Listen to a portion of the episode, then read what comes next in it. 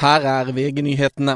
Terrordømte Philip Manshaus er erklært psykotisk på gjerningstidspunktet. Nye sakkyndige har vurdert Manshaus, som i 2019 ble dømt til 21 års forvaring for drap på sin søster og angrep mot en moské.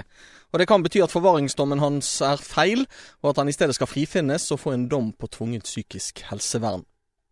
Erna Solberg kan bli statsminister igjen, til tross for enstemmig sterk kritikk fra kontroll- og konstitusjonskomiteen i habilitetssaken. Det mener Høyres Petter Frølich, som leder komiteen. Vi er antakelig første parti i historien som har gitt sterk kritikk til egen partileder. Bør du bli statsminister i Norge igjen når du får sterk kritikk i en sak som det her? Det kan være helt mulig. Det er opp til partiet Høyre, til samarbeidspartiene og aller viktigst velgerne. Reporter Eirik Røsvik. Statsminister Jonas Gahr Støre sier til NRK at han skal gjøre det han kan for å få kong Harald hjem til Norge så fort som mulig. Kongen innlagt på sykehus i Malaysia med en infeksjon, og hans livlege sier at han er på bedringens vei. Christian Horner fortsetter jobben som teamsjef for Formel 1-laget til Red Bull.